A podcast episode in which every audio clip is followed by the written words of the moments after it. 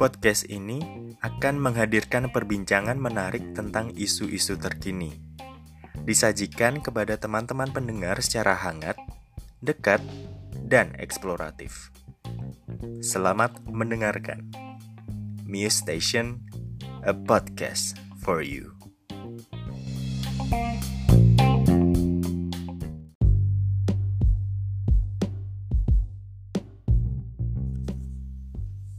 Kasus-kasus kekerasan seksual di kampus, sebagaimana yang terlihat, hanyalah puncak dari gunung esnya saja.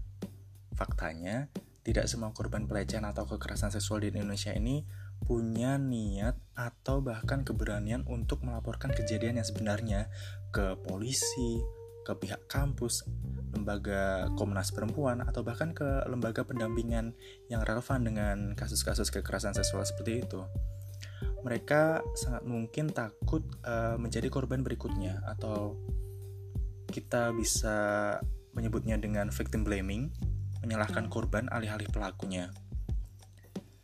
Dan hal ini diperparah pula oleh penyidikan polisi yang lebih memprioritaskan apakah ada unsur persetujuan atau konsen atau tidak dalam peristiwa kekerasan seksual. Misalnya, ketika korban melapor ke polisi, dalam dokumen pemeriksaan, polisi akan mengajukan pertanyaan. Apa yang saudari rasakan saat saudari disetubui oleh terlapor? Atau pertanyaan yang mungkin muncul adalah apakah saudari menikmati berhubungan seks atau tidak? Tentunya pertanyaan-pertanyaan seperti itu akan semakin menyudutkan korban pelecehan dan kekerasan seksual. Nah, di episode 3 ini kita akan menggali lebih dalam mengapa kekerasan seksual marak di kampus dan langkah-langkah rasional apa saja yang bisa dilakukan untuk merespon kasus-kasus tersebut. Endo dan Nona, mahasiswa dan mahasiswi pasca sarjana ilmu hubungan internasional Universitas Gajah Mada akan membagikan ilmu, pengalaman, dan cerita-cerita menarik yang relevan dengan topik kekerasan seksual.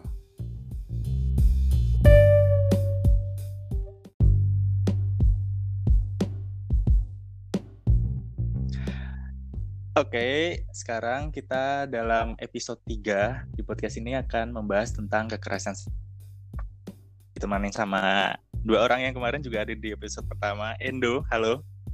Halo. Nona, halo. Hai. Baik-baik kan? Alhamdulillah selalu sehat.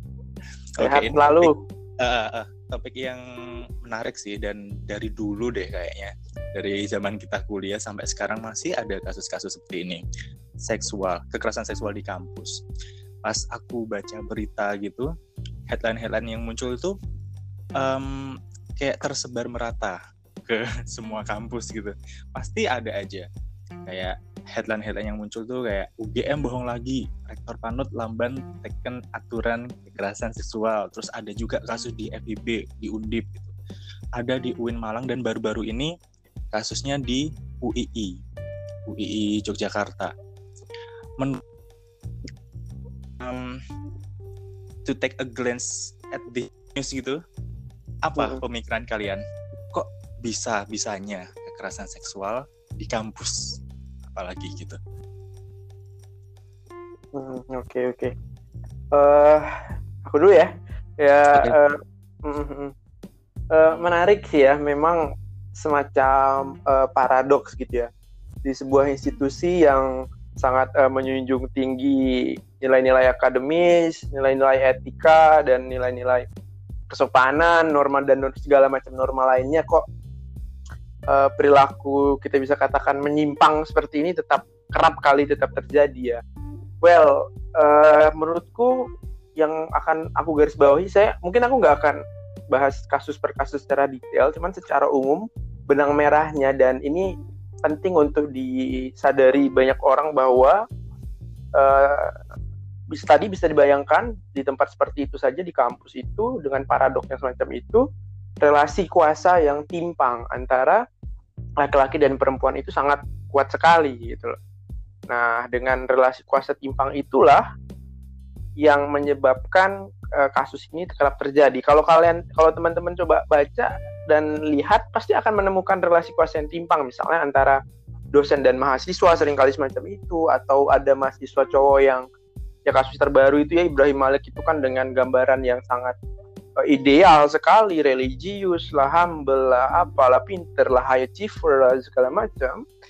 Uh, bisa-bisa melakukan ini kan. Pasti orang-orang terdekat yang melihat dari sisi baik-baik itu tadi nggak masuk akal nggak mungkin dong dosen nggak mungkin dong orang yang baik dia gini-gini uh, akan melakukan hal ini cuman kan lagi-lagi ya we are human we have we have at least to have uh, we have uh, two sides of a of a coin gitu kan harus selalu ada sisi uh, there will there will always be Mr. apa Jekyll and Hyde in ourselves gitu loh gitu sih sementara hmm. kalau menurut Nona hmm kalau menurutku sebenarnya kurang lebih uh, sama dengan apa yang udah dibilang Endo juga gimana kasus-kasus itu ini mulai-mulai apa ya mulai-mulai kembali terangkat dan itu tuh kayaknya ini enggak sih bukan bukan hal yang sudah sedari dulu ada tapi kayak baru-baru aja mulai muncul baru-baru aja tuh kayak dalam rentang waktu berapa tahun ke belakang jadi speak upnya kayak latah aja gitu. Satu ngomong satu berani ngomong satu berani ngomong satu dan berani ngomong. Uh, dan kalau aku pribadi gimana melihat kekerasan apa kekerasan seksual yang ada di lembaga-lembaga pendidikan ini uh, selain terlepas dari tadi relasi kuasa yang timpang ini juga balik lagi ke uh, konsep yang lebih luas yaitu yang di mana Indonesia itu sebenarnya masih kan belum beranjak ya dari ketimpangan gender. Nah itu juga kayak nggak bisa dilepas gitu loh dari kasus-kasus yang sudah pernah ada. Ya makanya muncul yang di mana ada victim blaming, di mana ada uh, apa si cowoknya lebih ya udah nyelesain pendidikan dulu dan lain sebagainya, yang si cewek harus keluar dan akhirnya membesarkan kandungannya dan itu kan juga sebagai bentuk dari apa ya tidak setaranya hak yang diterima baik untuk penyintas maupun pelaku kayak gitu sih. Hmm.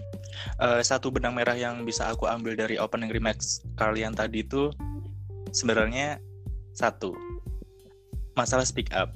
Jadi ya. kapan ketika uh, korban-korban ini mulai speak up? Aku menyambung uh, penjelasan dari Indo tadi. Aku sempat uh, nanya juga sih karena aku sempat apa ya penasaran kenapa kok sebanyak itu korbannya dan itu kayak langsung dalam satu waktu semua korban berani speak up kenapa nggak dari dulu? Gitu. Terus aku nanya ke salah satu temanku II kenapa sih kok mereka baru speak up sekarang? Gitu.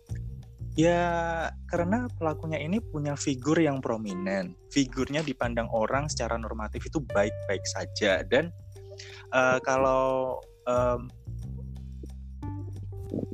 make sense juga sih karena beberapa orang menganggap wah dosen. Kayak mereka orang yang noble tidak um, apa tidak mungkin gitu kayaknya secara nggak nonsense. Uh, nggak making sense gitu loh kayak kalau mereka ingin uh, melakukan kekerasan seksual. Apalagi figurnya kayak orang yang let's say dalam kasus IM misalnya. Tahu sendiri orangnya berprestasi um, jadi uh, apa umat beragama yang taat beribadah gitu. Mungkin kalau orang lain melihatnya dari luar gitu. Tapi sebenarnya dia melakukan tindakan yang sangat miris gitu. Menurut kalian apakah figur ini juga sangat mempengaruhi dalam uh, relasi kuasa yang timpang? Tentu tentu tentu. Di sini menjadi uh, uh, bisa dilihat secara kritis maksudnya bahwa uh, ada ada semacam uh, apa ya ada pandangan juga yang dipegang oleh yang apa kita bisa bilang mengamini apa idol idealizing gitu ya. Idol of a cave gitu istilahnya. Kayak kalau kita mengidolakan satu orang kita hanya cenderung akan menggunakan kacamata kuda dan melihat orang itu dari sisi yang baik-baik saja. Kalaupun ada sisi yang yang tadi uh, yang apa kita masa sih kita akan mulai meragukannya? Nah itulah yang sangat uh, uh, sulit untuk di, di di apa ya dilihat secara kritis bahwa terlalu berlebihan atau terlalu ini tuh kita sehingga kita menghilangkan ruang kritik kritik gitu. Jadi nggak otokritik gitu. Jadi kayak ya udah dia perfect orang perfect itu kayak gini high achiever itu tadi prominent figure itu kayak kayak gini dan dan itu it lasts for years gitu. Mm-hmm. kayak yang yang di, di Amerika bahkan ini juga menjadi menarik karena ini nggak hanya nggak ini kalau mikir oh Indonesia kan belum berkembang. No gitu loh. Nggak ada hubungannya sama negara maju apa enggak di Amerika sana pun kan beberapa tahun belakangan ini kan kasus-kasus semacam ini kan sangat uh, sangat apa ya menjadi bermunculan ya kayak yang karena udah terjadi puluhan tahun lalu misalnya kayak apa sutradara Wens Heller apa Harry Harry Weinstein itu ya yeah, yeah. kasusnya bahkan 25 tahun lalu gitu baru ini sekarang nah harus macam-macam itu ya jadi satu yang perlu diingat memang tidak ada hubungannya dengan kondisi uh, ekonomi atau kondisi ini ya suatu negara maju apa berkembang atau sebagainya tapi lebih itu tadi masalah relasi timpang yang uh, relasi yang timpang terus masalah ketika kita uh, terlalu idol of a cave itu istilahnya kayak mengidolakan sesuatu secara berlebihan sehingga kita cenderung uh, apa menginstal pikiran kita dengan hal-hal yang ingin kita percaya aja sih. Uh, iya, memang betul hmm. juga sih uh, apa katamu kayak kasus seperti ini memang nggak cuma terjadi di Indonesia, bahkan untuk negara yang udah civilized macam Amerika Serikat aja, kampus Yale itu masih terkesan tebang pilih terhadap uh, para tersangka atau pelaku kekerasan seksual ini. Hmm. Kayak orang-orang udah uh, apa ingin gitu pelakunya dihukum seberat-beratnya gitu. Minimal dikeluarkan dari kampus lah. Tapi kasus yang terakhir terjadi tahun 2019 yang lalu si pelaku ini Luke namanya cuma diskors tiga semester dari kampus. Nah, hmm. ini kayak uh, apakah kampus ini apa sih motivasi kampus ini untuk mempertahankan predator-predator seksual ini gitu di kampus? Menurut kamu gimana, hmm. Nana? Kalau menurutku fun fact-nya itu adalah kenapa kampus-kampus ini masih mempertahankan predator-predator yang melakukan kekerasan seksual itu ya karena mereka punya andil yang besar dan mungkin bisa mengangkat nama baik kampus, citra kampus. Kayak gitu loh. Oh. Jadi uh, kayak eman-eman untuk dikeluarkan atau dibuang dan lagi misalnya kalaupun uh, dia tidak apa ya nggak uh, bagus-bagus banget nih dalam akademik ataupun penelitian dan lain sebagainya. Tapi dengan dia dikeluarkan uh, atas tuduhan melakukan kekerasan seksual itu sudah mencoreng nama kampus dengan sangat-sangat jelek lah kayak gitu loh. Hmm. dan lagi uh, kayak si penyintas-penyintas yang yang udah speak up ini tadi ya ketika dikeluarkan itu kayak akan dianggap apa ya uh, dianggap tanda kutip jahat kali ya oleh oleh oleh civitas-civitas yang mungkin yang lebih lebih tinggi daripada mahasiswa entah itu staf akademik ya dosen ya atau ya siapa pun lah yang menurut mereka ya gara-gara anak ini akhirnya kita mengeluarkan mahasiswa lain dan itu mencoreng nama baik kita akhirnya mahasiswa mungkin tidak terlalu ingin kuliah di sana mungkin kayak gitu-gitu loh. Menarik juga sih untuk mencermati respon kampus dalam menangani kekerasan seksual ini di lingkungan mereka.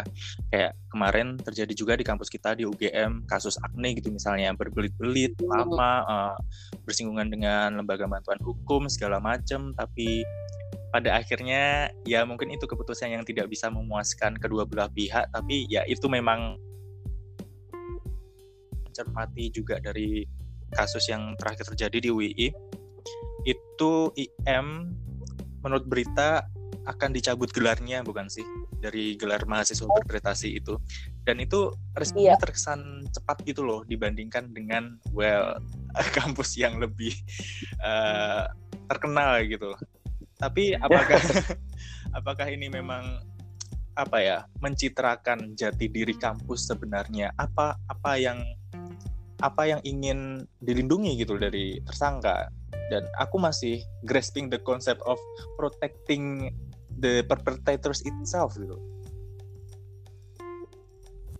Hmm, ya ini ini menjadi menarik ya. Maksudnya ini kayak apa yang dilakukan UGM di saat itu mungkin di dalam konteks waktu itu itu kan Pak Panut kan Pak Rektor bilangnya dua-duanya anak kita akan kita bina gitu ya. Kekeluargaan. Mungkin ya. Jadi kekeluarga secara kekeluargaan Pak Panut bilang kan.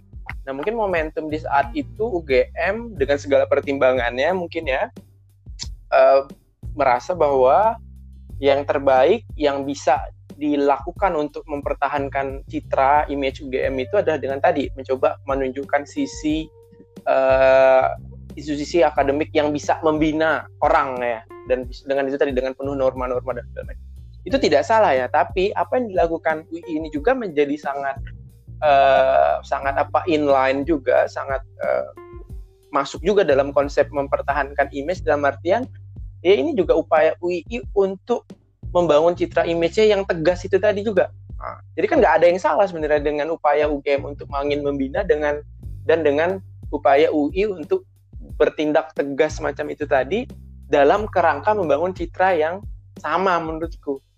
Jadi ya ya itu sih tergantung perspektif aja menurutnya menurutku ya. Nah balik lagi. Uh.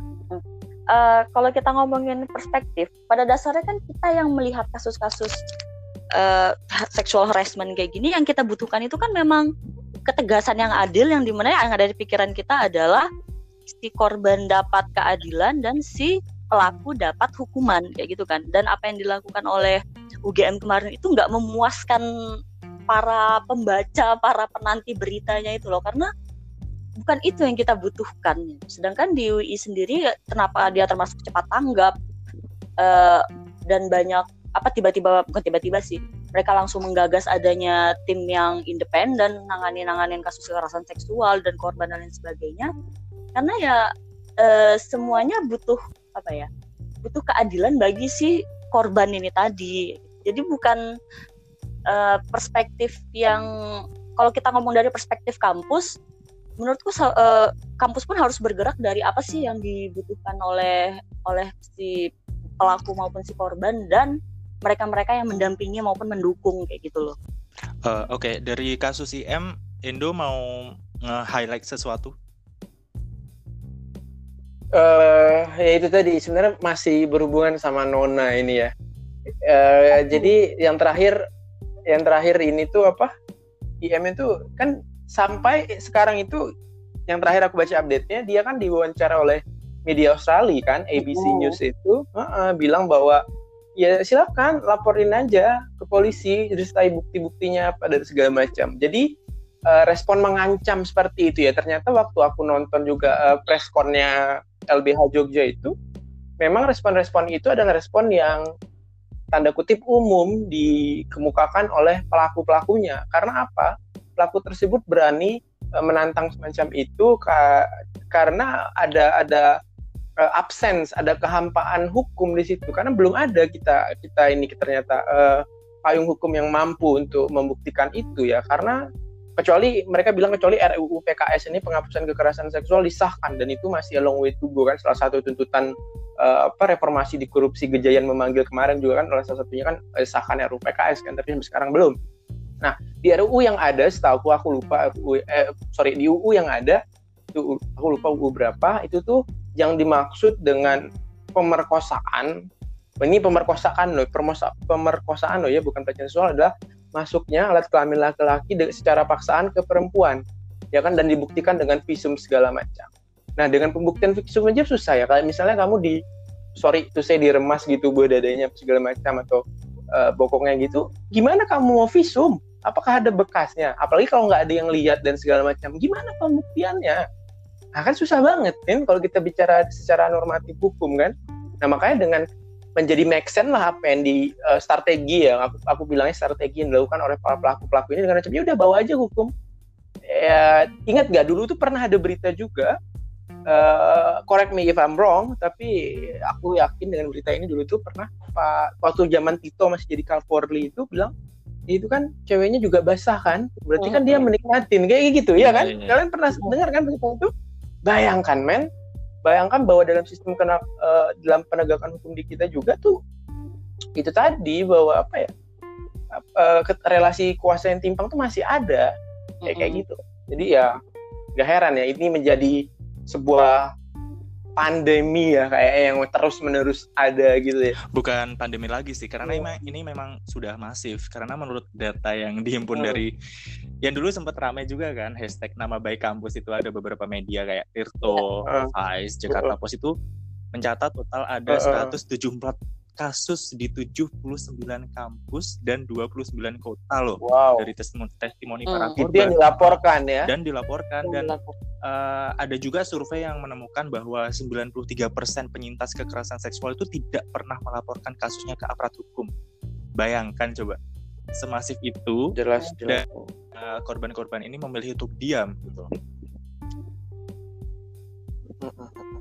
Jelas. ya itu dia sih karena karena mereka mereka memilih diam balik ke pernyataannya Endo tadi nggak bisa diukur nggak bisa dilihat nggak bisa punya bukti akhirnya ketika mereka melaporkan ya itu akan dianggap hal yang melebih-lebihkan gitu loh hal yang apa ya malu mungkin ya lebih ke malu sih kalau aku Hmm. Gini gini, aku juga mau tarik ke ranah internasional ya, biar ada dimensi-dimensi internasionalnya Sure. dikit nih guys. Nanti bisa nyambung ke kamu juga non, karena kamu mengetahui tentang budaya Jepang ya, daripada Iya. kita kita di sini kan jelaskan. And Iya, you can also say it in Japanese kan, although we don't understand. Nanti ya, nah gini, di Jepang itu ya, setahu aku di Jepang dan Korea budaya patriarkinya kuat banget, ya kan? Dan it Mm-mm. doesn't explain why they are advanced. Mereka kan advanced country kan, negara maju, tidak ada masalah dengan ekonomi, dengan industri dan segala macam. Everything goes well gitu, semuanya bekerja dengan baik. Nah, kok kalau kita masukkan dengan kacamata tadi ketimpangan relasi gender, lah Jepang itu gimana nggak timpang? Jelas-jelas nggak ada istilahnya perdana menteri perempuan nggak akan mungkin jadi CEO perusahaan apalagi nggak mungkin dia kan jadi pemimpin kan nggak mungkin dari Jepang karena relasi kuat saya kuat benar tidak nanti correct me if I'm wrong lagi ya oke tapi kok dalam struktur ekonomi struktur sosial kayak di Jepang ya fine fine aja ah gitu gimana tuh Iya kan wonder nggak kalian Hmm. Uh, aku wonder tapi seperti aku sudah terjawab Gimana non? hmm, gimana karena kita ngomongin Jepang ya kan? enlighten us ya pertama, oke patriarki mereka kuat, tapi bukan berarti mereka mengesampingkan perempuan untuk jadi pemimpin. Pernah ada zaman, satu zaman di mana eh, perempuan itu menjadi kaisar, itu pernah ada. Dan saat itu belum ada konsep perdana menteri di mereka, masih kerajaan gitulah. Hmm. Kemudian eh, yang kedua lagi, kalau kita ngomong mereka tuh patriarki banget, iya. Sebenarnya kurang lebih sama sama di Indonesia. Semakin mereka pelosok, semakin mereka konservatif kayak gitu loh. Pun dengan di Jepang, ketika mereka sudah masuk kota-kota besar Tokyo, Osaka dan lain sebagainya, pikiran mereka juga terbuka dan mereka juga sudah tidak memandang eh, apa adanya laki-laki dan laki-laki yang lebih tinggi lagi gitu loh. Itu untuk sekarang ya, untuk sekarang. Dan kalau kalau kenapa mau aku pernah bertanya kayak gini ke mereka kalau kita mau apa teks bebas dan lain sebagainya itu ternyata tidak berpengaruh dengan pertumbuhan ekonominya mereka dan lain sebagainya jawabannya mereka sesimpel eh ini aku nggak tahu siapa mungkin karena memang temanku aja kali yang nggak suka banget dengan Indonesia apa gimana tapi mereka relasinya ke agama Hmm.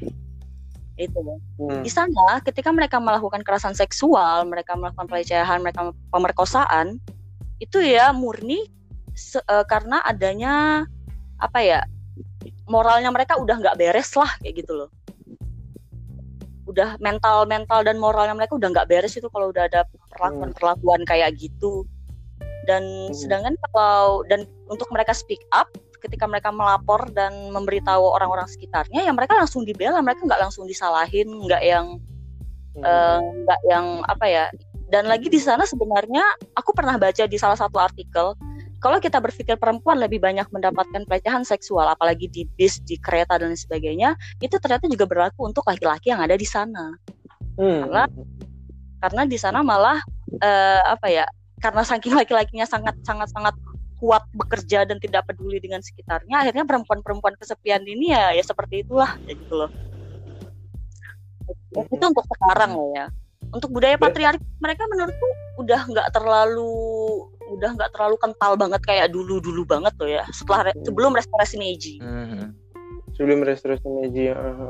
setelahnya itu mereka udah mulai udah mulai Oh, sama apa apa indikatornya? Kayak kayak kita nih kan secara formal kita tuh sudah banyak aturan ya kayak kalau ini masalah keterwakilan tingkat keterwakilan perempuan di DPR itu kan 30% calon Mm-mm. aja wajib. Meskipun sampai sekarang juga jarang terpenuhi ya. Sekarang kayak beberapa apa cuma berapa persen. Cuman kan terus meningkat lah keterwakilan perempuan. Tapi balik lagi ya secara quality atau apa kita nggak diskusi bahas itu lebih jauh. Cuman kayak by number by quantity kan sudah ada uh, mini, syarat minimal sudah ada peningkatan juga. Nah, hmm. nah kayak di Jepang itu apa sih indikator-indikatornya? Soalnya kayak aku lihat CEO CEO menteri-menteri itu kayaknya jarang banget perempuan.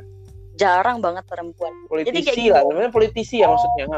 Hmm, politisi. Kalau untuk politisi ya aku akui mereka jarang. Itu seperti gini udah deh laki-laki mengendalikan bagaimana negara ini ber, bagaimana perekonomian ini berjalan kita yang perempuan-perempuan melihat apa saja yang harus dibenahi jadi kayak saling membantu dari bawah tapi itu bukan sebatas itu bukan sebagai level kalau mereka itu lebih rendah daripada laki-laki seperti itu loh hmm.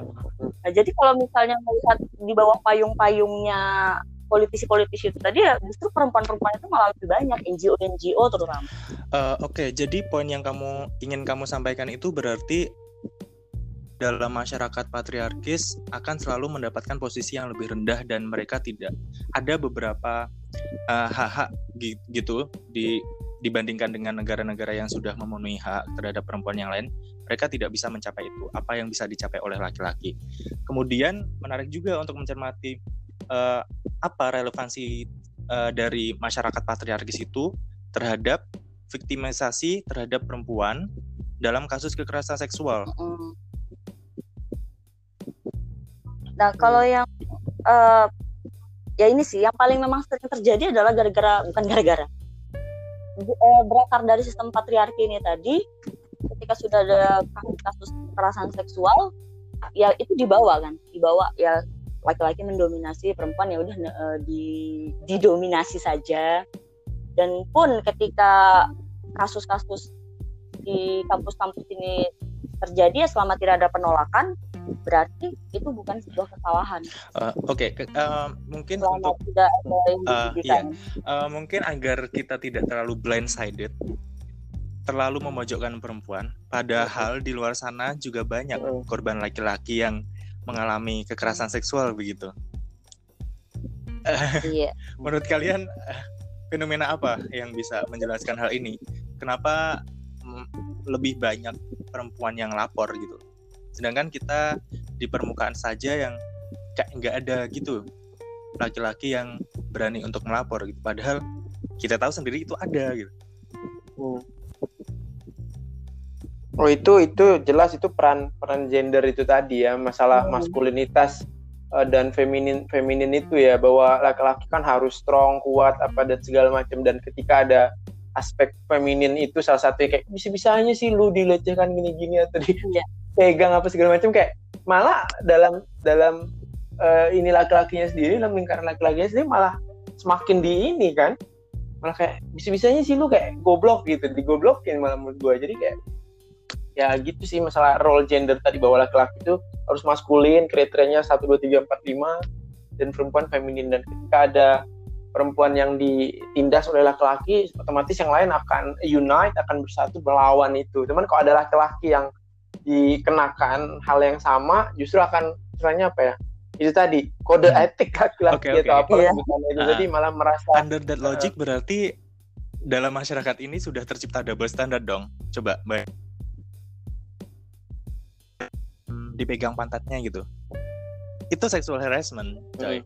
kalau cowok dipegang pantatnya jelas, oh, jelas. kalau nggak ada nggak ada konsen ya kalau ada, kalau ada konsen mah bebas ya Oke, okay, okay. kalau misalnya cowok gitu loh, mengalami, yeah, yeah, yeah. kalau misalnya cowok mengalami kasus uh. seperti itu, dipegang pantatnya oleh cowok atau uh. cewek lain gitu, ya kita merasa biasa aja gitu. Ya itu harga diri. Sebenarnya susah sih untuk untuk menjatuhkan harga diri. Sebenarnya ya? garisnya itu uh. sangat sangat kabur gitu untuk membedakan mana ini oh. harassment mana yang enggak gitu. Menurut kalian juga gitu nggak sih? Hmm, ya harus memang enggak. Sama itu sih benar kalau kamu kalau kamu bilang double standard itu tadi aku balik lagi ke kasusnya di Jepang tadi.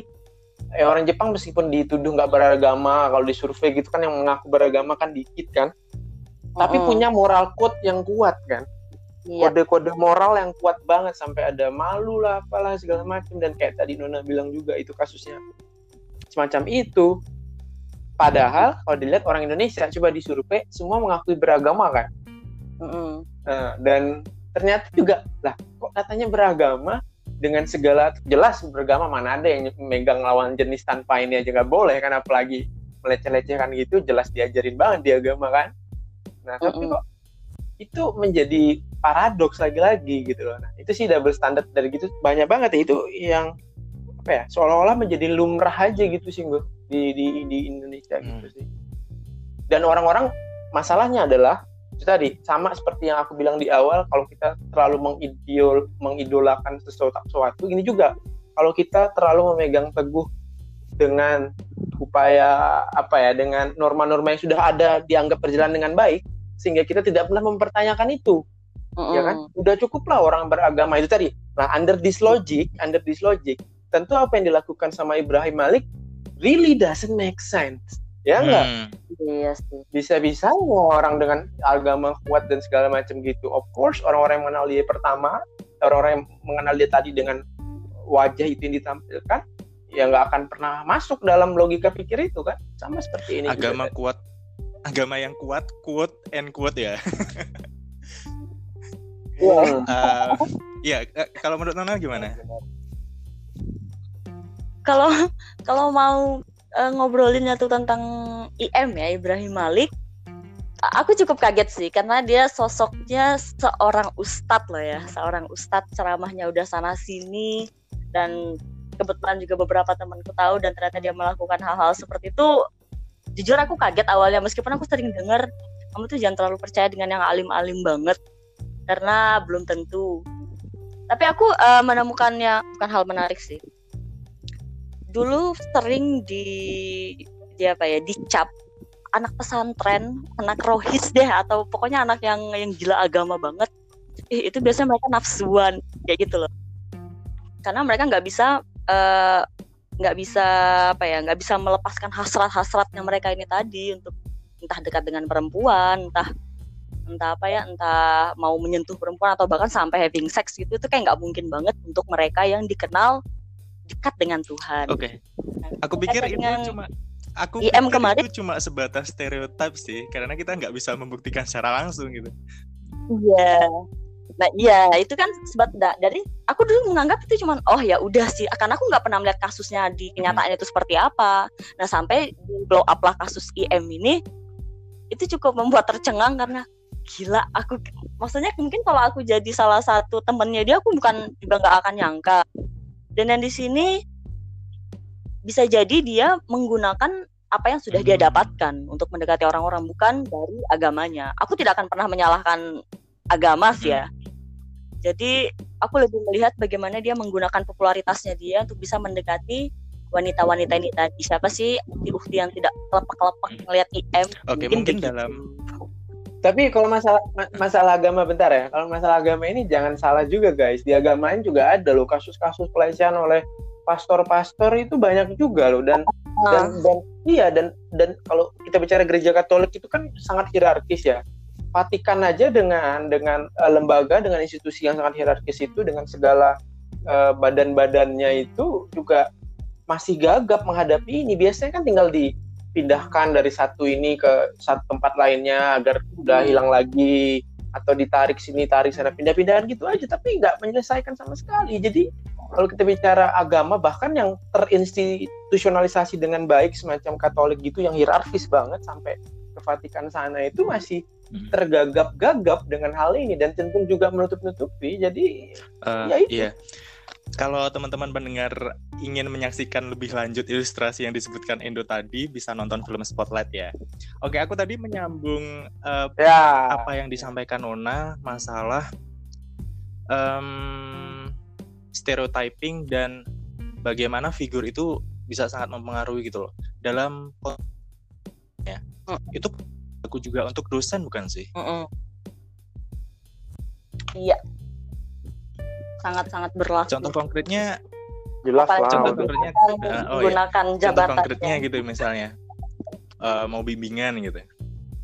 Terus mau dapat ya mungkin dapat apa ya?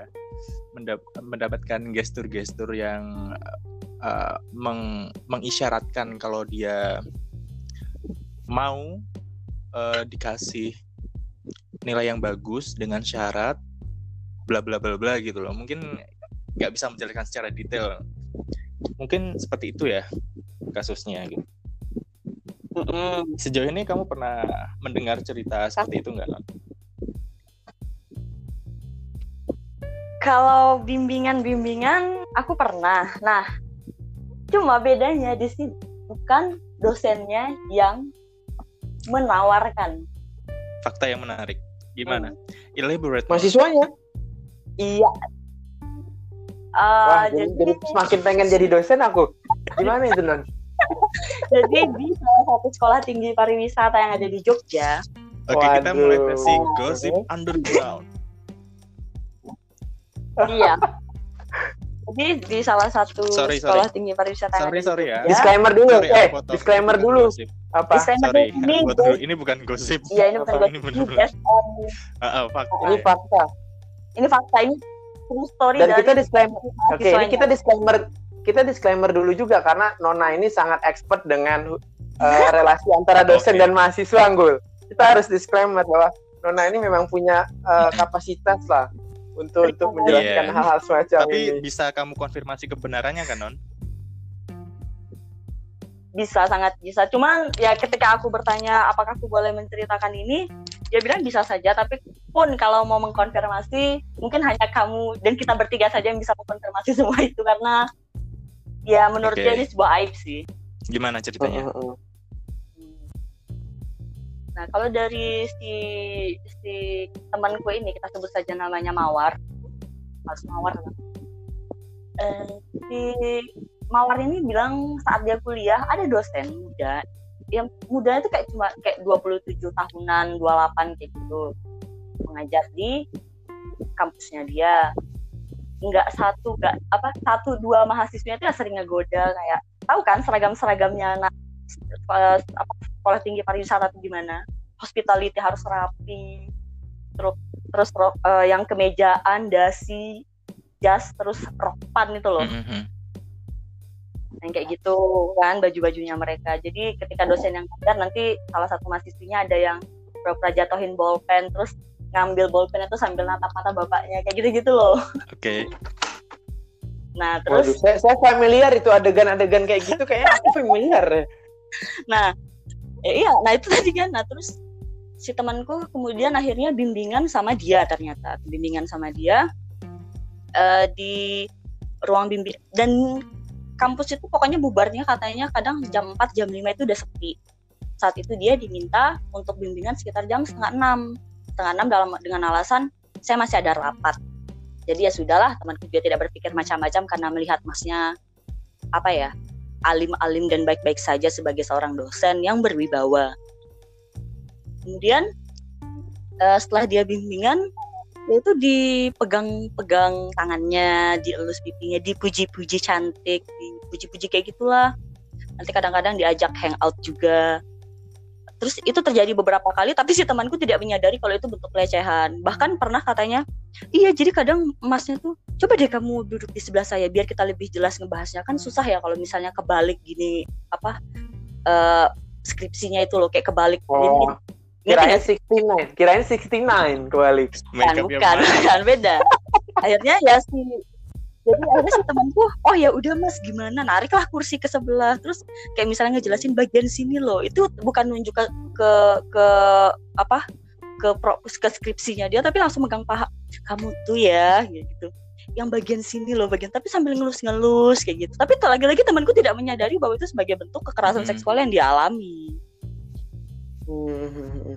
itu uh, abis itu selang beberapa bulan kalau nggak salah dia bimbingan berdua dengan okay. temennya dia bimbingan berdua dengan temennya terus dia ngomong gini awalnya aku kira ya biasa aja terus tiba-tiba temanku ngomong kayak gini ih bapak mentang-mentang ada mawar saya nggak dipegang-pegang hmm. lagi ya itu benar-benar oh. oh jadi si mawar ini sebagai korban dan temennya mawar ini sebagai well oke okay. pelaku oke okay, oke okay. didn't see that coming kayak gitu terus kayak Waduh, iya, saya mau itu jadi dosennya. Kalau bisa dua, kenapa satu? Astagfirullah terus si si masnya si masnya tuh yang apa ya mungkin kalau aku jadi masnya aku kan grogi kayak ih kok kamu ember banget sih mungkin tapi ternyata si masnya enggak yang enggak yang ya masa kamu saya pegang-pegang di sini? Nanti ada yang cemburu gimana? Apa hmm. kalian berdua mau saya pegang langsung? Hmm. digituin. Nah ya udah. Habis itu uh, setelah dari situ mulailah kan. Nggak merebak juga sih gosipnya. Intinya yang tahu tuh si temanku. Dan katanya ya aku pernah sih kayak nemuin beberapa kali si si temennya ini keluar dari mobil si masnya ini kayak bar barengan ke kampus. Ya mungkin habis sarapan hmm. bareng kayak gitu dan dan uh, terus aku tanya kan si temannya ini dan ternyata aku pernah ketemu satu kali di dunia malam hmm. yang ajib-ajib itu dunia apa dunia, oh, dunia malam. ya, intinya di aku ketemu di salah satu klub malam di yeah. Jogja aku pernah ketemu enggak sekali sih kayak beberapa kali dan sempat ngobrol dan aku baru tahu itu dia uh, minggu lalu saat aku tanya-tanya sama temanku ini terus dia bilang kamu kamu ingat nggak yang kayak beberapa orang yang sering dia bawa ke meja kita? Itu adalah dosen-dosenku juga loh. Wow. aku kaget dong kayak jadi dia itu gimana? Dia itu digilir dosen apa dia yang menggilir dosen? Hmm. gitu loh. Dan, dan dia bilang kayak kalau aku ngelihat sih kayaknya lebih dia yang menggoda. Dan itu juga diafirmasi oleh teman-temannya dia kayak ya iyalah dia nanti tiap hei bapak perlu saya bawakan tasnya kayak gitu. Bapak perlu teman makan siang nggak? Dan dan dia sudah aku nggak tahu siapa dia tidur atau hanya jalan-jalan minta duit saja. Tapi sudah ada sekitar dua atau tiga atau empat dosen di sekolah di kampus yang sama yang pernah jalan bareng dia bahkan sampai liburan. Oke, okay, sampai gitu di sini apakah kamu masih yakin itu adalah suatu bentuk kekerasan seksual? Karena dari sudut pandangku itu konsen. Nah, kekerasan seksualnya itu di uh, si apa ya? Pokoknya ada salah satu dosen yang akhirnya keluar, keluar dari dari kampus itu dengan alasan ya maksudnya macam-macam sih dia nggak bilang tapi yang di rumor yang tersebar di mereka itu adalah si mahasiswi si mahasiswi yang ini tadi yang goda sana sini itu tuh dapat nilai yang nggak bagus. Entah mata kuliah apa terus dia kayak ngadep ini. Soalnya kalau nilai itu tidak diperbaiki ya hancurlah IP-nya dia semester itu. Dan dia kayak to the point langsung ngebuka celananya si dosen itu. Okay. nah kayak gitu loh dan itu dia kayak ngejar terus ngejar terus sampai akhirnya ngomong ya kalau bapak kalaupun bapak lapor ke yang lain juga paling bapak yang disalahkan hmm, hmm bukan hmm. saya dan oh. itu ya itu tadi terus si ya apa ya dari cerita-cerita dari cerita temanku itu tadi sih maksudnya akhirnya aku melihat bahwa yang ternyata nggak nggak nggak melulu dosen yang memulai tapi bisa aja mahasiswa yang memulai. Ya sama dengan dosen yang pertama tadi. Dia tidak akan pernah menyentuh mahasiswi sebelumnya sebelum si perempuan ini menggoda dan bilang kayaknya rata-rata mahasiswi di sini gampang kok pak buat di dipakai kasarnya kayak gitulah. Wow. fakta yang menarik juga ya. Aku langsung puyeng gue denger ya. Dan kayaknya aku tahu sih itu siapa. Well anyway. Waduh, kok nggak nge-share nge-share ini? Nanti ya. Uh, oh ya nanti. Uh, jadi, um, apakah perilaku semacam ini itu dibentuk dalam suatu lingkungan tertentu ya? Karena emang sangat marak gitu loh di lingkungan, well, let's say kita, lingkungan kita coy. Kayak di kampus kita pun juga, ya kalian tahu sendiri seperti itu dan apakah itu memang dipupuk oleh selain perilaku yang dari internal doang gitu ya? Apakah memang dari orang lain itu juga mempengaruhi? Dari sudut pandang psikologis gitu mungkin bisa menjelaskan Nona. Kok aku emang aku pakar psikologi. Mungkin dari pakar dosen ya. pakar dosen dosen dosen. Tapi gini ya ada satu hal yang harus uh, penting itu digaris bawahi sebenarnya eh, tergantung ya. Kalau kita memakai norma-norma yang dianut masyarakat pada umumnya apalagi norma harga harga agama norma sosial aja pada umumnya perilaku perilaku gitu kan jelas ya melanggar banget ya norma-norma semacam itu kan. Cuman balik lagi kalau kita menganut asas liberty libertanian libertanism gitu libertanism asas kebebasan individual rights dan segala macam itu tidak ada yang salah sama sekali. Apalagi kalau kita pakai konsep yang namanya konsen ya kan? Nah. Mau mau, mau dia jungkir balik Hmm. jumpalitan apa segala macam tidak ada yang disalahkan asal itu tidak melanggar hak orang lain juga. Nah perkaranya adalah kalau kita Hmm. melihat persoalan ini dengan kacamata norma sosial jelas bicara seksual di depan umum aja tabu. Itu juga nanti kita bisa bahas dengan masalah edukasi seksual itu sejauh mana siapa yang bisa diedukasi dan apa peran edukasi so- seksual itu Eh, dan segala iya. macam Oke, Nah, tapi sebelum topik, sebelum membahas hmm. lebih lanjut eh, masalah sex education gitu ya, kita perlu Hmm. mencermati juga sih pentingnya konsen gitu karena em, ini pengalamanku pribadi. Aku nanya ke teman-temanku apa yang Iya, kamu ketahui gimana? tentang konsen gitu. Mereka cuma menjawab sebatas suka sama suka, padahal lebih dari itu, ya nggak sih? Konsen itu Iya. harus disampaikan Mm-mm. secara verbal gitu ya. Itu harus eh, kayak Hmm. ya apakah aku boleh memegang tanganmu? Iya boleh. Dan yang tapi kayaknya kedua, nggak ada yang kayak gitu Gul berlangsung secara spontan ya.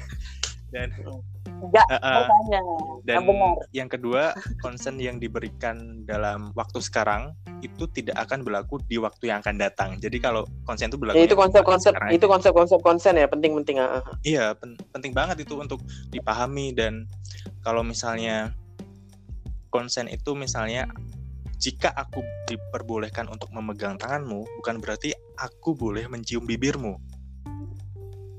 Ya, karena harus spesifik itu dan rumit juga sih untuk eh, melaksanakan dalam praktik loh.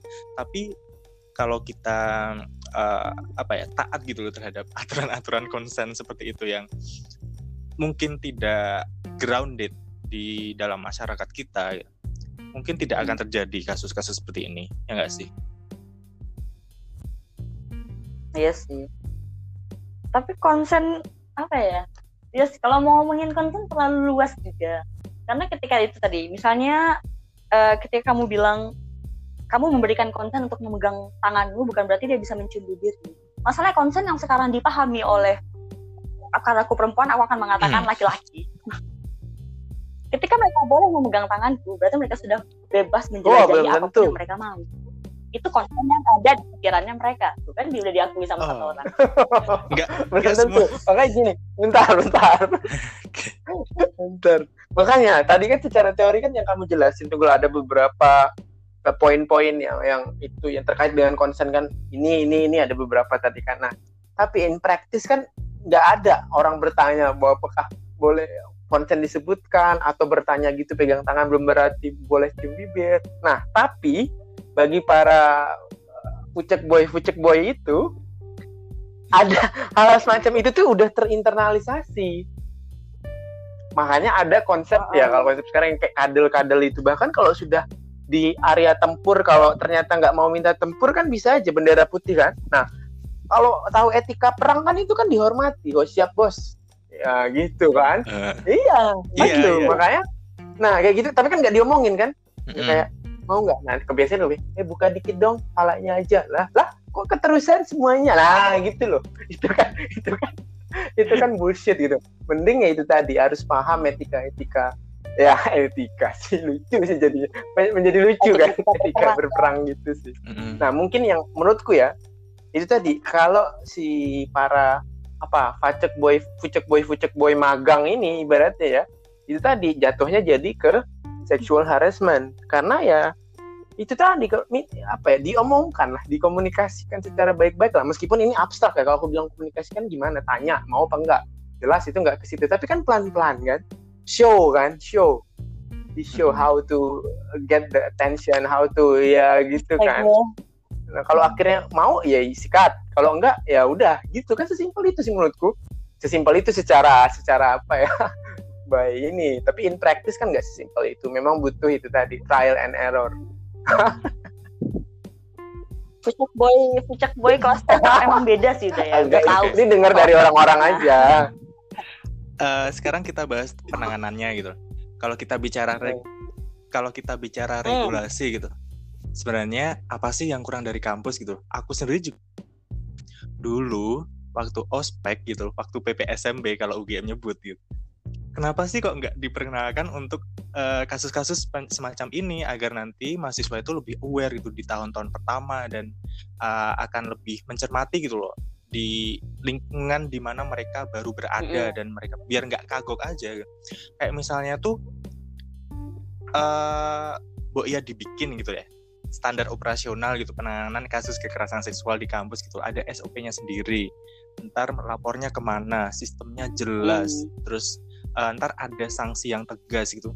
Dan itu harus uh, da hitam dalam putih gitu dan nggak nggak cuma sekadar aturan-aturan normatif yang dibuat secara lisan oke okay, nanti kita akan uh, perbaiki uh, regulasi di kampus tapi faktanya tetap aja kasus seperti itu terjadi karena memang nggak ada dasar hukum yang jelas yuk menurut kalian gimana? Regulasi ya yes, yes.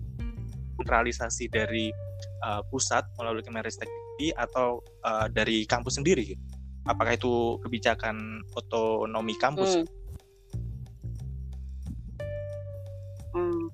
kalau aku sih ngeliat gini ya karena kita tuh lembaga pendidikan yang di mana itu kan terintegrasi oleh satu badan yang lebih tinggi yang kita sebut dengan Kemenristek Dikti. Di situ kan mengatur uh, apa kayak hal-hal yang bersifat otonom lah kayak gitu. Dan lagi permasalahan-permasalahan terkait dengan mahasiswa ataupun kedisiplinan dan etika itu kan sebenarnya dari Kemenristek Dikti sendiri tidak memberikan hitam di atas putih alias ya udah itu haknya eh, lembaga-lembaga perguruan tinggi ini tadi. Tapi uh, kembali lagi ke institusi-institusi pendidikan ini, eh, tadi mereka belum jelas untuk regulasinya karena lagi-lagi karena mereka diberikan hak, akhirnya menurut mereka ya selama itu bisa dengan cara yang damai atau uh, tidak mungkin menurut mereka karena ketika itu diangkat ke pengadilan yang untuk tingkat paling jauh itu bisa merusak citra kampus jadi mereka akan memperlakukan regulasi yang apa ya uh, abstrak gitu loh kayak nggak ada hitam di atas putihnya. Dan aku menemukan satu artikel menarik ternyata sudah ada salah satu lembaga kampus yang membuat aturan apa ya bukan aturan. Ya sih kayak peraturan tentang yang terkait dengan pelecehan seksual dan itu benar-benar disebarkan di setiap sudut kampus. Ada SOP-nya kalau kena itu harus ke mana dan pelanggarnya itu diberikan hukuman apa. Uh, dan Komnas HAM sendiri Komnas HAM dan juga perempuan itu sangat-sangat mendukung dan mengharap kalau perguruan-perguruan tinggi kita juga mengikuti. Tapi ternyata pada implementasinya juga meskipun belum maksimal mereka punya prinsip ya udah yang penting kita gerak aja dulu dan regulasi-regulasi yang dibuat kampus itu kan sebenarnya rata-rata berdasarkan hmm. kasus yang sudah pernah terjadi. Iya. Yeah. Iya nggak sih? Kalau menurut Endo gimana? Tapi ya Halo Indo, masih terhubung? Indo hilang. Oke, okay, mungkin hilang koneksinya. Uh, Halo? Oh ya, gimana? Kamu tadi dengar? Eh, uh, iya. Oh. Dengar dengar, aku dengar terus kok. Oke okay, oke. Okay. Oh berarti nggak ini ya koneksinya ya ya. Menurut aku kamu terus tadi. gimana okay. uh. Mm, menyikapi regulasi ini yang masih rancu? Hmm. hmm. Tahu aku di UGM udah ada kan sekarang kan peraturan rektor nomor 1 tahun 2020 itu ya kalau nggak salah ya, hmm. yang mengatur tentang hal ini akhirnya kan setelah dituntut hmm. dengan panjang lebar negosiasi, mediasi dan segala macam akhirnya sudah ada. Tapi sebelum kita bicara regulasi, sebenarnya yang paling penting lagi-lagi ingin ku uh, tekankan adalah edukasi dong. Yep. Kita nggak bisa meregulasi hmm. sesuatu hmm. sebelum mengedukasi itu, ya kan? Apa yang mm apa yang boleh, apa yang enggak, apa itu kekerasan seksual apa dan segala macam. Karena kalau berdasarkan konsen doang, menurutku itu belum cukup ya. Meskipun tadi itu secara praktis kan bisa tadi kan. Yeah. Tapi itu kan levelnya sangat individual level gitu, di level orang masing-masing. Tetapi secara norma jelas konsen nggak masuk sama sekali dong mm. ya kan nggak ada itu konsep mm. konsen di norma Indonesia gitu kan nah e, balik lagi jadi maunya nih apa gimana membuat sebuah e, kebijakan yang levelnya mengatur individual gitu kayak kemarin RUU KUHP yang mengatur masalah kumpul kebo apa segala macam nah orang-orang nggak terima kan mm. itu kan menjadi menjadi perdebatan juga mm. padahal secara norma kalau menurutku secara norma ya memang salah itu menyalahi norma-norma di Indonesia gitu kan Nah, cuman kan secara umum kan orang nggak terima ngapain nih urusan selangkangan diatur oleh negara apa segala macam. Nah, balik lagi dinamikanya kalau dilihat itu dinamikanya kayak gitu. Uh, maunya sejauh mana nih ini diatur oleh sebuah institusi? Bagaimana menginstitusionalisasikan sebuah kebijakan, sebuah regulasi, sebuah keputusan yang akan mengatur individu? Hmm. Ya kan? Itu ibaratnya gini, uh, ini juga nih aku ngambil kelas uh, justice yang Harvard. Kemarin masih belum selesai kan kelasnya. Yeah. masalah libertanism ini liberty. Pemerintah mengatur orang harus pakai seat belt itu aja salah loh. Kenapa salah? Pemerintah hmm. itu nggak ada hak. Namanya tuh paternalist nature, uh, regulation paternalist regulation. Seolah-olah menjadi yang lebih berhak lebih tinggi gitu loh kayak ngapain negara ngatur-ngatur orang suruh pakai seat belt Paling itu kan terserah orang ya dan orang itu juga sudah tahu apa konsekuensinya kalau nggak pakai seatbelt nanti kalau kecelakaan risiko meninggalnya lebih tinggi segala macam. Tapi dibalikin lagi. Nah kayak gitu perdebatannya. Jadi perdebatannya adalah sejauh mana regulasi-regulasi ini tadi bisa mengatur kebebasan individu atau bahkan mengekang kebebasan individu. Hmm. Nah, menurutku uh, perdebatan konseptualnya di situ. Oke, okay, menarik juga sih untuk membahas seks, hmm. seks. Tapi aku uh, masih menimbang-nimbang gitu apakah masyarakat kita udah siap gitu loh. Makanya aku ingin kalian membayangkan gitu. Bayangkan kalian jadi orang tua punya anak yang sudah beranjak remaja dan memperkenalkan uh, edukasi tentang seks ini ke anak kalian gitu. Bagaimana caranya aku harus bela bela harus belajar lagi bagaimana sih cari cara? apa ya bahan-bahannya gitu ya. bagaimana how to introduce sex to 13 years old uh, boy atau 15 years old man, a eh, boy or girl gitu sih harus Google dulu sih kayak membandingkan mana yang oke, okay, mana yang cocok gitu sih. Kalau sekarang sih belum punya bayangan, masih mengatur diri, masih meregulasi, meregulasi diri sendiri dulu aja, meregulasi celana sendiri dulu aja, isi celana diri sendiri. Gitu sih. Iya itu itu susah juga sih. Aku aja nggak kepikiran ntar kalau aku punya anak sex education bentuk sex educationnya ya Allah Shopee bentar sex education yang yang apa ya yang mungkin bukan mungkin juga sih uh, yang aku yang aku pernah kepikiran itu cuma anak-anakku nggak boleh tabu untuk menyebutkan alat kelamin maupun aset-aset yang dimiliki Aset. di tubuh manusia. Oke. Okay. Ya benar benar. Loh, ya benar, ya, karena sekarang gini, ini kan nggak boleh ngomong tete atau susu di depan orang kayak eh gak sopan padahal itu kan maksudnya semua perempuan punya gitu loh berarti kan secara nggak langsung juga oh. kamu me, apa ya menyangsikannya itu gitu padahal enggak kayak gitu jadi memperkenalkan bahwa ya uh, apa alat-alat alat-alat kelamin. Intinya bagaimana penyebutan alat kelamin dan aset-aset lain yang dipunya oleh manusia itu bukan bukan hal yang tabu untuk diucapkan. Kecuali disalahgunakan hmm. menjadi hmm. makian. Sudah itu sudah salah itu jelas. Kemudian uh, aku tidak akan menutupi ketika ditanya bagaimana adik bisa lahir?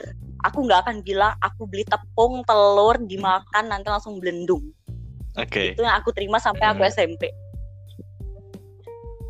jadi udah dijelasin. Ya ya nggak mungkin lah ngomongnya iya dulu mama sama papa ngewe dulu. Nggak mungkin kan. Pasti ada yang lebih akademis lah. Ya ada namanya reproduksi berkembang biak. Itu caranya gini gini gini nggak caranya juga sih. Tapi perlu penekanan. Iya tapi perlu penekanan. Eh, kamu baru iya. melakukan itu di usia sekian gitu ya. Dan jangan disalahgunakan. Ya enggak enggak aku mungkin nggak akan bilang kamu boleh ngelakuin itu. Aku nggak berani sih memberikan larangan ataupun himbauan. Aku cuma bilang apa ya itu tuh kayak tricky gitu loh ketika aku melarang. Justru dia penasaran. Tapi ketika aku membebaskan aku takut kalau nanti anakku hamil hmm. gimana? Emang anakmu cowok? Eh cewek? Kalau cowok? Menghamili? Oh iya juga kalau anakku cowok ya udah nanti aku cari teman-temanku okay. kamu okay, ke okay, anak okay. itu um, terkait kasus kasus ya. kekerasan seksual di kampus ini ada lagi poin yang ingin kalian sampaikan nggak?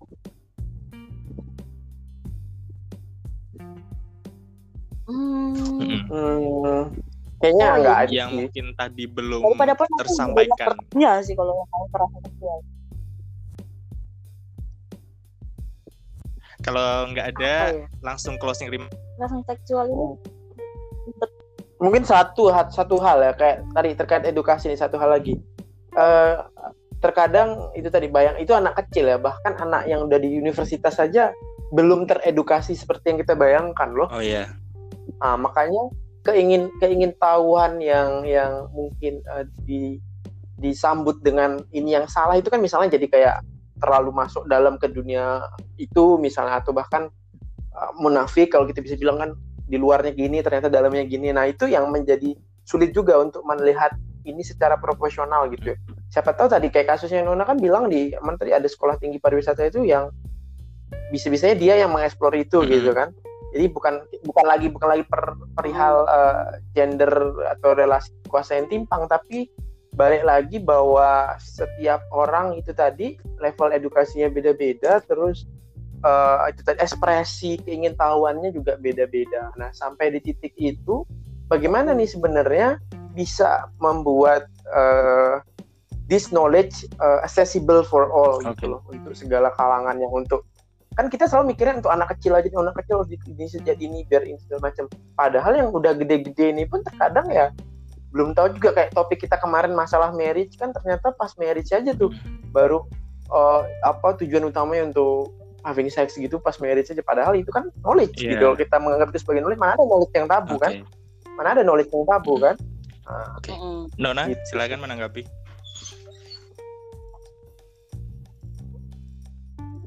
apa yang mau aku tanggapi sih ini pertama kalinya aku cukup setuju dengan 100% kata-katanya Endo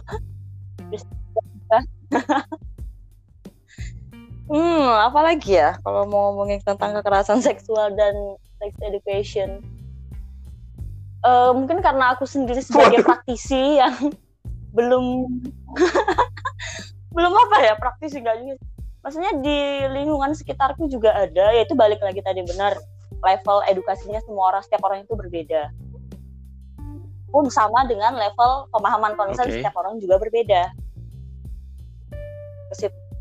Jadi kalau kekerasan kekerasan seksual yang marak terjadi di kampus menurutku itu memang lebih kepada lingkungan yang Hmm. membentuk pola pikir dan keingintahuannya dia entah itu dari rumah ataupun teman-temannya. Karena salah satu apa ya eh apa ini, ini aku nggak tahu sih ini cuma cuma apa ya cuma yang sering didengar di tongkrongan tongkrongan aja. Sebegitu bangganya mereka yang sudah meniduri beberapa orang itu menjadi sebuah ajang apa ya ajang banyak banyakan Mm. pernah check in sama berapa orang nih kayak. itu juga menjadi pendorong pendorong orang-orang untuk akhirnya melakukan Hmm. kekerasan seksual pelecehan seksual itu tadi kan nggak ada yang berani speak up Oke. juga jadi santai aja Jadi kalau aku ingin menarik kesimpulan dari diskusi kita tadi tentang kekerasan seksual di kampus ada tiga poin yang aku eh, ingin sampaikan. Yang pertama adalah awareness. Jadi kita harus peka dengan lingkungan di mana kita tinggal, mana kita tinggal dan eh, harus paham begitu dengan prinsip-prinsip yang tadi sudah disampaikan, misalnya konsen, eh, terus eh, bagaimana cara em, apa mendapatkan hubungan yang itu baik dalam secara romantik atau hubungan secara seksual gitu. Dan yang poin kedua adalah pentingnya edukasi. Edukasi di mana sejak dini ini memang sudah harus diperkenalkan terhadap oleh eh, hal-hal yang mungkin selama ini masyarakat ini anggap tabu begitu. Padahal tidak sama sekali karena bekal dari kecil itu akan menentukan perilaku uh, waktu dewasa nanti. Makanya harus diperkenalkan sejak dini. Dan yang ketiga adalah pentingnya regulasi dari uh, kampus untuk menangani kekerasan seksual di lingkungan mereka karena peraturan ini bagaimanapun secara tertulis sangat uh, penting untuk uh, menindak secara tegas para pelaku ker- kekerasan seksual dan bisa memfasilitasi para korban ini dengan uh, aturan hukum yang mengikat begitu. Itu ada yang mau ditambahkan? Hmm. Closing closing statement aja closing remarks Oke, aja mungkin silakan Endo. Uh, sebenarnya aku lebih ke arah edukasi sebelum regulasi sih. Cuman kalau memang regulasi sudah dibuat, otomatis jadi kebalikannya kan. Oke, regulasi dulu, tapi edukasinya juga kenceng. Nggak bisa kita uh, langsung menegakkan regulasi itu, tapi orangnya itu memang nggak teredukasi gitu loh, okay. ya kan? Jadi ya itu tadi. Ah gitu sih. Oke terima kasih udah join. Terima kasih udah uh, berdiskusi dan panjang lebar tentang kekerasan seksual di kampus ini. Dan tadi jujur mendapatkan banyak insight juga sih dari penjelasan dan elaborasi kalian tentang beberapa fakta menarik di lingkungan kita yang selama ini kita anggap tabu untuk dibicarakan. Dan untuk menutup perjumpaan kita di episode 3 ini, ya selamat malam dan berikut. Malam. Selamat mengeksekusi. Sure. Oke okay, thank you. Bye bye Indo bye bye Nona. Thank you. Bye bye bye